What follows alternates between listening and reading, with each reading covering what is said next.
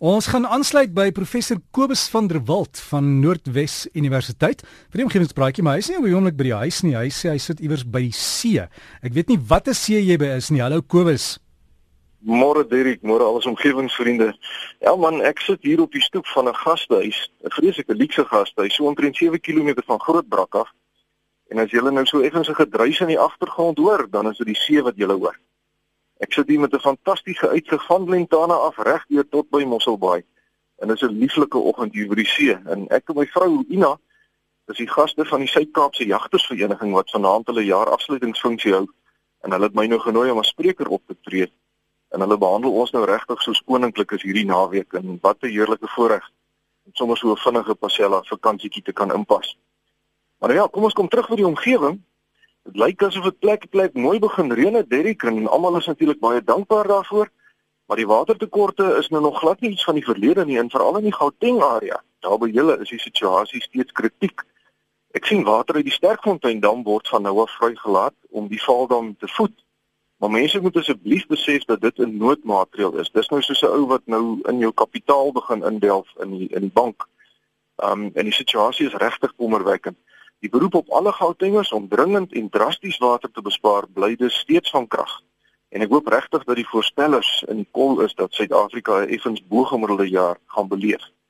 Maar wat die gemiddelde temperature betref, sien ek dat die daaglikse maksimum temperatuur reeds vroeg in die somer sommer gereeld by baie plekke hier by die 40 grade Celsius gaan draai het. En as die noordelike halfrond se somertemperature enige aanduiding is, gaan 2016 die warmste jaar in mense jeugenis wees. En dis natuurlik te wyte daaraan dat die mensdom nog steeds in baie dele van die wêreld voortgaan om kweekhuisgasse in die atmosfeer vry te stel asof daar geen probleem is nie. En in hierdie verband het ek 'n brief ontvang van Dr. Ernst Brunke, die voormalige wetenskaplike bestuurder van Kaappunt, wat sê dat terwyl die CO2 konsentrasie in die noordelike halfrond reeds verlede jaar die 400 dele per miljoen vlak verbygesteek het, die vlakke van CO2 in die suidelike halfrond vir jaar ook deur hierdie simboliese vlak gebreek het. En hierdie metings is bevestig deur die Amerikaanse Global Atmosphere Watch stasie by Suidpool, die Suid-Afrikaanse stasie by Kaappunt sowel as die Australiese stasie by Kaap Grim. Nou die CO2 vlakke het al in die verlede deur die 400 dele per miljoen vlak gebreek vir sekere maande van die jaar en op sekere plekke op aarde. Maar dis die eerste keer in menslike geheugenis dat die CO2 vlak oor die hele wêreld vir 'n hele jaar lank bo 400 dele styg. En die konsen, die konsensus is dat hierdie CO2 bokant 400 gaan bly vir verskeie geslagte voordat dit dalk weer sal begin daal as gevolg van ons pogings om die kweekhuiseffek te bestry. Dr. Bronke het ook vir my 'n media vrystelling van die Wêreldmeteorologiese Organisasie aangeheg wat middel verlede jaar uh, verlede maand ekskuus tog vrygestel is. En hierdie verslag toon dat die huidige wêreldgemiddelde waardes van kweekhuisgasse uh, kommerwekkend is. Interessant is dat die El Niño die afgelope El Niño 'n beduidende effek gehad het op die CO2 vlak. Want die El Niño het gelei tot erge droogtes en geweldige veldbrande in verskeie dele van die wêreld, met die gevolg dat plante groei in daardie dele nie die normale hoeveelheid CO2 kon opneem nie.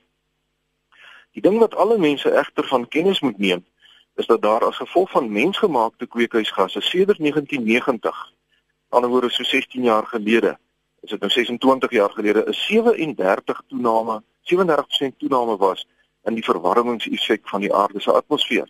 En ons gaan ongelukkig die vrugte hiervan pluk ten spyte van die verdrag wat verlede jaar in Parys gesluit is, want om hierdie storie om te keer is nie vinnig of maklik nie.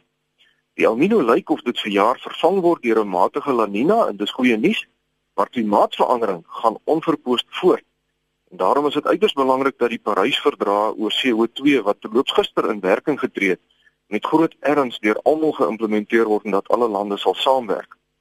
'n Goeie nuus is dat die Wêreldmeteorologiese Organisasie tans werk aan 'n globale kweekhuisgas-inligtingstelsel wat individuele lande sal kan moniteer in terme van hulle beloftes wat hulle nou op al hierdie berade maak.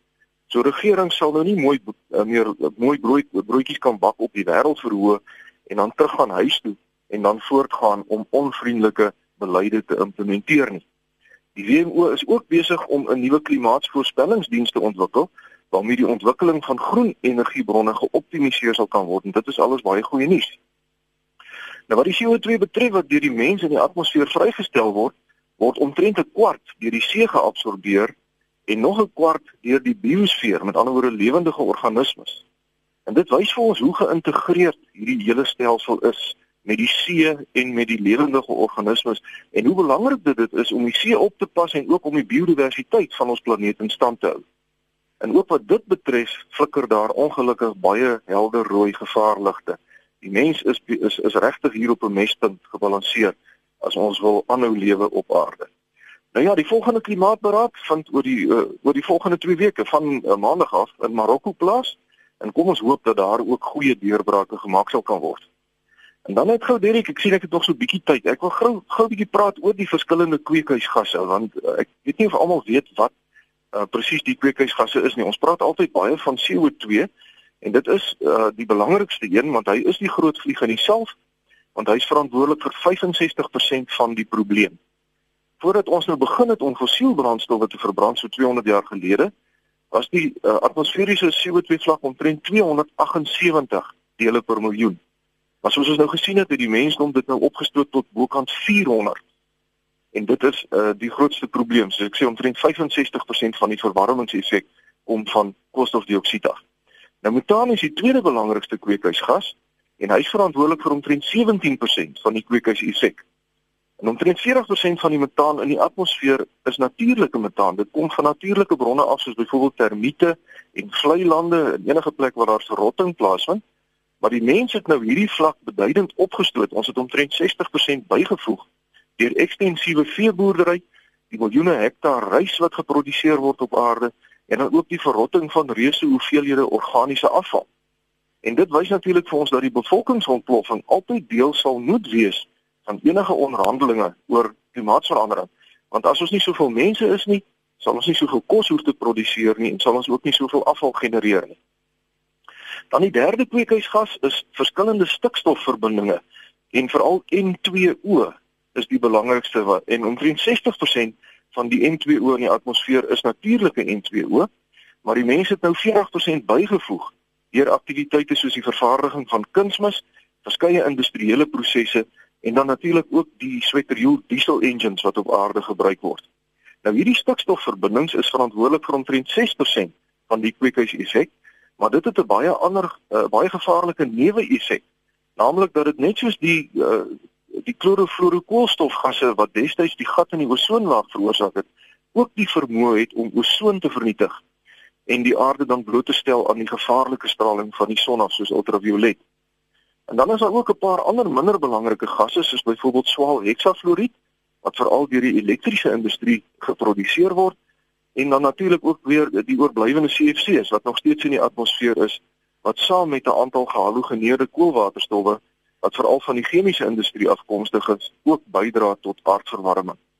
Nou, alhoewel hierdie ander gasse se konsentrasie tans nog laag is, neem dit ook vinnig toe en dit sal ook aandag moet kry in die toekoms as ons hierdie stryd wil wen. En dit ek daarmee sien ek my tydjie is om vanoggend. Ek wil graag weer dankie sê aan Dr. Ernest Brinker van Kaapstad vir die waardevolle inligting wat hy vir my gestuur het. En as ons omgewingsvriende vir my wil skryf, is u baie welkom. Kyk gerus op Facebook na Omgewingspraatjies se se Facebookblad. Alle besonderhede is daar. En daarmee sê ek vriendelike groete tot 'n volgende keer. So gesels professor Kobus van der Walt van Noordwes Universiteit en as jy wil kontak maak, is Kobus met 'n K, kobus.vanderwalt by nwu.ac.za en daar's ook 'n Facebook bladsy gestig en jy kan daar gaan aansluit by omgewingspraatjies. Dis die meervoud omgewingspraatjies en baie keer word daar inligting geplaas oor juis waaroor ons gesels en ook as jy op 'n interessante artikel afkom, kan jy dit daar vir ons gaan los en professor Kobus van der Walt kan dit dan daar gaan sien. So dis net op Facebook, gaan soek vir omgewingspraatjies.